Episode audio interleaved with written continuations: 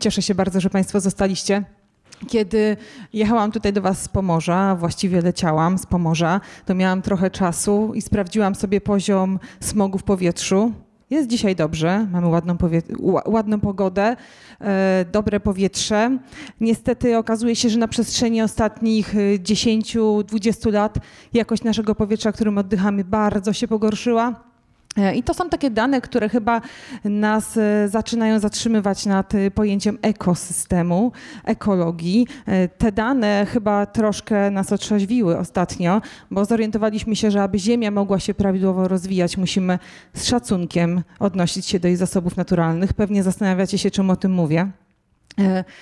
Ostatnio na szczycie klimatycznym wielokrotnie padała taka argumentacja za potrzebą ochrony ekosystemu, ale w taki sposób, który budowałby równowagę pomiędzy zaspokojeniem, y, uwzględniając eksploracyjne potrzeby człowieka związane z jego rozwojem. I tu właśnie moje pytanie e, do Was. A co z naszym ekosystemem psychologicznym? Czy kiedykolwiek zastanawialiście się nad takim zjawiskiem jak ekosystem psychologiczny? E, czy kiedykolwiek przyszło Wam do głowy takie pytanie, a czym ta równowaga dla nas miałaby być? Co dla nas równowaga miałaby oznaczać? Mnie bardzo takie e, zagadnienia absorbują, szczególnie ostatnio. I właśnie dzisiaj jestem tu po to, żeby z Wami o tym podyskutować, żeby Was zainspirować. Miałam zacząć od konsumpcjonizmu, ale zacznę od minimalizmu, dlatego że chyba lekcję z konsumpcjonizmu żeśmy odrobili. To znaczy na pewno zorientowaliśmy się, że konsumpcjonizm mówi więcej o naszych niezaspokojonych potrzebach niż przedmiotach, które nabywamy, prawda? Tą lekcję niestety odrobiliśmy jedynie w sferze materialnej. W sferze psyche, moi drodzy, nadal konsumujemy. Tu nie ma refleksji, tu nadal więcej znaczy lepiej. Nazywam się Joanna Flis i przez 20 kolejnych minut będę chciała Was przekonać do tego, abyście zostali swoimi największymi fanami własnej strefy komfortu w 2019 roku. Zaczniemy od tego, co łączy nas wszystkich, czyli od szczęścia. Tak jak jesteśmy tutaj na tej sali, tak wszyscy chcielibyśmy być szczęśliwi. Y, to truizm, ale tak naprawdę jest to rzecz, która łączy nas najbardziej, ale też najbardziej dzieli. Bowiem definicja szczęścia jest szalenie zależna od kultury od naszych doświadczeń, od naszego wieku, w którym jesteśmy. Taki rzymski filozof Maxus Terenius Varro już w pierwszym wieku przed naszą erą doliczył się niemal 300 definicji szczęścia. To trochę pokazuje poziom trudności teoretyków i badaczy tego zagadnienia, którzy próbują sobie odpowiedzieć na jedno zasadnicze pytanie: jak wspierać człowieka w osiąganiu jego dobrostanu na przestrzeni jego życia? I tutaj dobijamy do takiego portu którym jest samorozwój właśnie. Słychać, że jestem z Pomorza do portu. Jesteśmy w porcie Samorozwój e, i w tym porcie jakby się na chwileczkę zatrzymamy, bowiem większość badań E, e, i jakby takich twardych danych empirycznych pokazuje, że my jako ludzie mamy swój sprawczy udział w formowaniu własnego szczęścia. I ten sprawczy udział może się wyrażać właśnie poprzez samorozwój, samodoskonalenie, samourzeczywistnianie własnego potencjału, jak powiedzieliby e, twórcy nurtu humanistycznego i właściwie wydawałoby się eureka, ale to wcale nam nie ułatwia, ponieważ zagadnienie samorozwoju jest tak samo szerokie jak zagadnienie szczęścia i jest naszą źródłem naszych ogromnych podobieństw, ale także potężnych różnic. Zanim zaczniemy jednak rozmawiać o samorozwoju, chciałabym, żebyśmy zatrzymali się nad pojęciem dobrobytu, ponieważ dobrobyt i to, w którym jesteśmy miejscu, E, w świecie, w którym miejscu jest Europa, ale też cały świat, bardzo wpływa na to, jak my ten samorozwój postrzegamy. A mianowicie jesteśmy świadkami paradoksu. Ten paradoks polega na tym, że człowiek we współczesnym świecie, człowiek, który żyje w świecie dobrobytu, poświęca więcej uwagi niż jego przodkowie na to, aby dbać o swój poziom życia, na to, aby ciągle się doskonalić, na to, aby podlepszać warunki swojego życia, swojego zdrowia i ogólnego samopoczucia. Mm, jest to taki y, paradoks, który występuje nie tylko w sferze materialnej, ale także w sferze psyche. To potęguje naszą energię, którą wkładamy w to, aby czuć się lepiej i lepiej funkcjonować. To powoduje, że jesteśmy zamknięci w kole jak chomik w kołowrotku, ponieważ okazuje się, że jak wynika z badań Jane, Jane Twing, że na przykład młodzi zaabsorbowani rozwojem osobistym Amerykanie co prawda, mają zdecydowanie więcej kompetencji miękkich, e, są zdecydowanie bardziej, okazuje się, pewni siebie, nawet trochę roszczeniowi, a mimo wszystko są dużo bardziej nieszczęśliwi niż pokolenia ich rodziców i dziadków, którzy na samorealizację czy samorozwój patrzyli bardziej intuicyjnie. To powinno nas troszeczkę zatrzymać nad e, ekologią rozwoju osobistego. I tutaj jesteśmy przy humanistach, i właściwie są to e, psychologowie, którzy pojęcie samorealizacji wprowadzili jakieś 50-60 lat temu, umieszczając je na samym szczycie piramidy Maslowa i uznając je za taką wartość, nadrzędną wartość samorealizacji, nadrzędną wartość, która pozwala doświadczać sensu istnienia. Spójrzcie, prekursor psychologii humanistycznej Kurt Goldstein określił samorealizację jako nadrzędny motyw sterujący ludzką aktywnością, zorientowany na spełnienie możliwości i urzeczywistnienie osobistego potencjału jednostki. Czy to brzmi podobnie do współczesnych cytatów motywacyjnych? Być może trochę podobnie tak, jednak jest jedna drobna różnica, która robi fundamentalną zmianę, bowiem y, takim źródłem y, upatrywania samorozwoju według psychologów humanistycznych było urzeczywistnienie potencjału danego człowieka, czyli samorealizacja polegała na odkryciu tego potencjału, eksploracji siebie i jego urzeczywistnieniu. Czyli samorealizacja polegała przede wszystkim na koncentracji na je, ja i jak sugerował Abraham Maslow, samorealizacją, warunkiem wszelkiej samorealizacji była samoakceptacja. Popatrzcie, u humanistów warunkiem samorealizacji była samoakceptacja. Czyli nie tak jak mamy współcześnie i to, co obserwujemy współcześnie, że my wkraczamy w sferę rozwoju osobistego po to, żeby poczuć się ze sobą lepiej, żeby się akceptować, a brak tej akceptacji jest motywacją do samorealizacji, lecz wręcz odwrotnie. To, że ja dobrze o sobie myślę, to, że ja lubię tego człowieka, którym jestem dzisiaj, sprawia, że ja mogę się rozwijać. To jest zupełnie inne miejsce w życiu, to jest zupełnie inny powód, dla którego ludzie odnajdywali sens istnienia poprzez samorealizację. Docieramy do tego miejsca, które jest sednem mojego dzisiejszego wystąpienia, a mianowicie do strefy komfortu. Samo pojęcie strefy komfortu jest pojęciem niezwykle rozwojowym.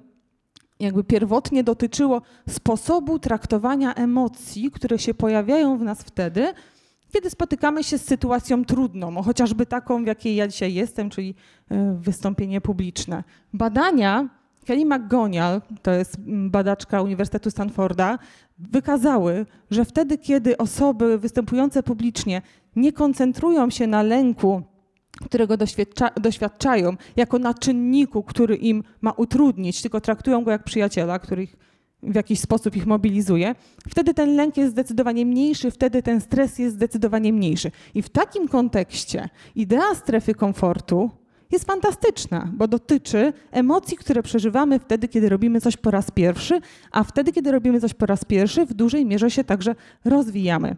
Niestety, dobra idea została za, zaadoptowana na rzecz potrzeby warunkowej akceptacji, czyli tej akceptacji, która w dużej mierze zależy od tego, co osiągniemy, ile granic jeszcze jesteśmy w stanie pokonać, jak daleko od swojej strefy komfortu jesteśmy w stanie się oddalić, jak często to robimy, co nam sugerują media społecznościowe, jak bardzo porównujemy się z innymi. Jeżeli nasz stosunek do siebie zaczyna zależeć od tego, jak bardzo zmieniamy się, jak bardzo się przeobrażamy, jak wiele mamy osiągnięć, to tak naprawdę, bez względu na to, jaką granicę przekroczymy, ciągle będziemy w tym samym miejscu. Popatrzcie. Przejrzałam sobie poradniki na temat samorozwoju, które sugerują nam właśnie, że owe przekraczanie strefy komfortu jest jedynym sposobem na to, aby się rozwijać. I możemy tam obejrzeć sobie takie kwiatki. Na przykład tylko poza granicami strefy komfortu leży wszelka twórczość, innowacyjność i kreatywność. Albo rutyna jest łatwa do wdrożenia w życie. To mi się bardzo podobało, ponieważ to chyba stworzył ktoś, kto nigdy nie chciał nauczyć się jakiejś rutyny, na przykład rutyny zdrowego odżywiania. Rozwój bez przekraczania strefy komfortu nie jest możliwy. To jest taka narracja, która sugeruje nam, że to, w którym miejscu dziś jesteśmy, to, co posiadamy, to, co potrafimy, jest dla nas już nierozwojowe. To jest taka narracja delikatna, subtelna, która pokazuje kondycję samooceny współczesnego człowieka, która pokazuje, że w dużej mierze my się, sięgamy po różne trudne doświadczenia, czytamy te wszystkie poradniki, ale nie dlatego, że siebie akceptujemy i z tego miejsca chcemy się odkrywać i wzrastać, ale dlatego, że chcielibyśmy się zaakceptować. A to jest potężna różnica. To jest taki rozwój, który przypomina mi ciągłe porzucanie ekwipunku w drodze, w nadziei na to, że to, co zdobędę, to, co zbiorę, to nowe wyposażenie pozwoli mi trochę lepiej o, siebie, o sobie myśleć. W nadziei na to, że te nowe umiejętności, które zdobędę, to nowe ja, które ja przybiorę, to nowe ja, które będzie też ja tymczasowe, tymczasowym, będzie dla mnie bardziej satysfakcjonujące. Jeżeli ja wychodzę poza strefę, ze strefy mojego komfortu, tak naprawdę uciekając od siebie, przed sobą, przed tym człowiekiem, którym ja dziś jestem, to to nie jest samorozwój. To jest to ucieczka. Największym i najważniejszym e, zasobem wyposażenia każdego podróżnika jest samoświadomość. Ja znam siebie, znam siebie jak własną kieszeń, wiem, jakie są moje zasoby, wiem, w czym jestem dobra, jestem świadoma moich ograniczeń. Wtedy, jeżeli ja wychodzę poza moją strefę komfortu, to wyposażenie, jakie posiadam, będzie moim spadochronem, kiedy skaczę w nieznane. Na potwierdzenie moich słów troszkę y, pogrzebałam jeszcze w języku rozwoju osobistego, ponieważ granice naszego języka, tak jak powiedział Wittgenstein, są granicami naszego świata i ja w to bardzo wierzę. To, w jaki sposób mówimy o nas samych, bardzo determinuje to, w jaki sposób postrzegamy rzeczywistość. Spójrzcie na język. Tam, gdzie humaniści widzieli zasoby, potencjał, umiejętności, Doświadczenie było dla nich bogactwem. Doskonalenie posiadanych umiejętności była było drogą do mistrzostwa. Indywidualność była wartością. Odpoczynek też był wartością. Tam współczesny rozwój osobisty widzi ograniczenia, stagnację, przyzwyczajenia, bagaż, wygodnictwo, lenistwo, odpuszczanie, doskonałość i cenę, której nie widać, a która tam jest. Dlaczego tak się dzieje? Dlaczego pomiędzy tym, co y, mówili humaniści i powodem, dla którego przywołali kwestię samorealizacji, a tym, co my przeżywamy dzisiaj, istnieje taka potężna różnica w poziomie akceptacji, samoakceptacji? Różnica, która jest elementarna, różnica, która powoduje, że sięgamy po rozwój osobisty zupełnie innych pobudek niż te, którym on miał służyć. Trochę cofniemy się w czasie, do lat 90., kiedy Polska się przeobrażała to był taki czas wielkich możliwości. Możliwości to w ogóle takie najbardziej obiecujące słowo XXI wieku.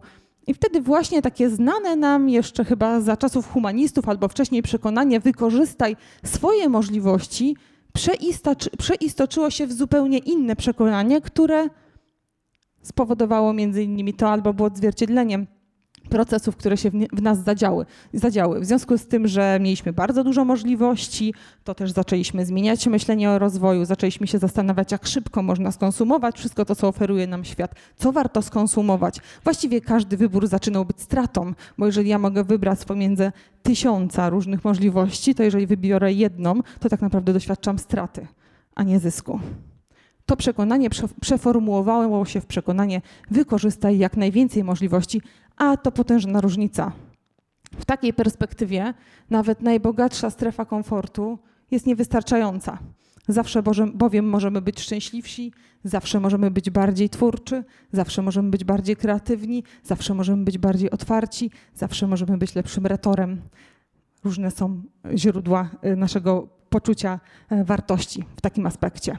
Zauważcie, że w erze konsumpcjonizmu właściwie wybieranie staje się najpotężniejszą trudnością. Żyjemy w świecie retoryki sukcesu.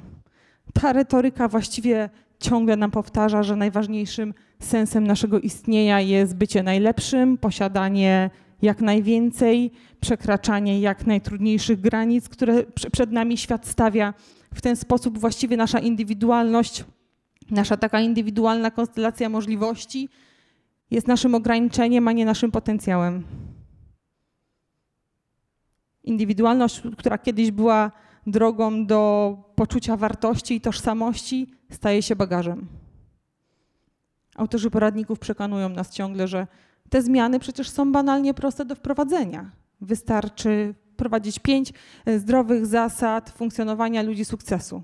Albo porzucić swoją strefę komfortu po to, aby za rogiem spotkać swoje czerwone Ferrari, które na nas czeka. W takiej perspektywie czujemy się coraz bardziej sfrustrowani i nieszczęśliwi. Cenimy tylko omnipotencję i kulturę produktywności. Cenimy sprawczość. I wszystko jest super, jeżeli cele, które sobie wyznaczamy, osiągamy. Wtedy jest świetnie, bo ta ideologia, którą żyjemy, się sprawdza. Problem pojawia, pojawia się wtedy, kiedy nasze emocje nie dają się poddać kontroli, kiedy nasze zdrowie nie jest takie, jakbyśmy sobie tego życzyli, kiedy nasz wygląd nie jest taki, o jakim marzymy, kiedy nasza kariera zawodowa nie rozwija się tak, jak sobie zaplanowaliśmy. Wtedy czujemy się oszukani, bezwartościowi i tak naprawdę mało sprawczy.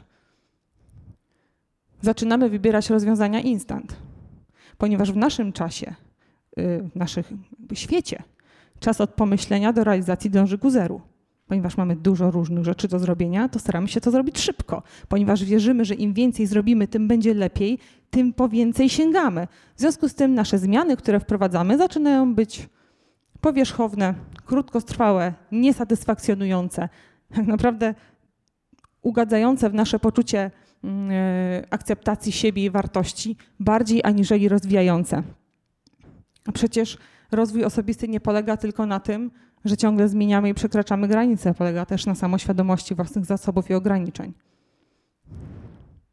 W takim świecie indywidualizm człowieka właściwie zaczyna być trudnością, ponieważ jest pewnym ograniczeniem. Kiedy ja myślę sobie, że mogę wszystko, bo tak mi sugerują mówcy motywacyjni, bo tak mi sugerują różne poradniki, to tak naprawdę to, kim jestem, to, co jest moją, moim poczuciem tożsamości, jest moim ograniczeniem, jest moją strefą komfortu. Zamykam to w strefie komfortu i traktuję jako coś, co muszę jak najszybciej porzucić. Na co dzień pracuję z osobami uzależnionymi. To są ludzie w kryzysie. Takim kryzysie, który jest wywołany nie tylko tym, że są uzależnieni od jakiejś substancji, ale też tym, że w związku z tym ponoszą bardzo duże konsekwencje.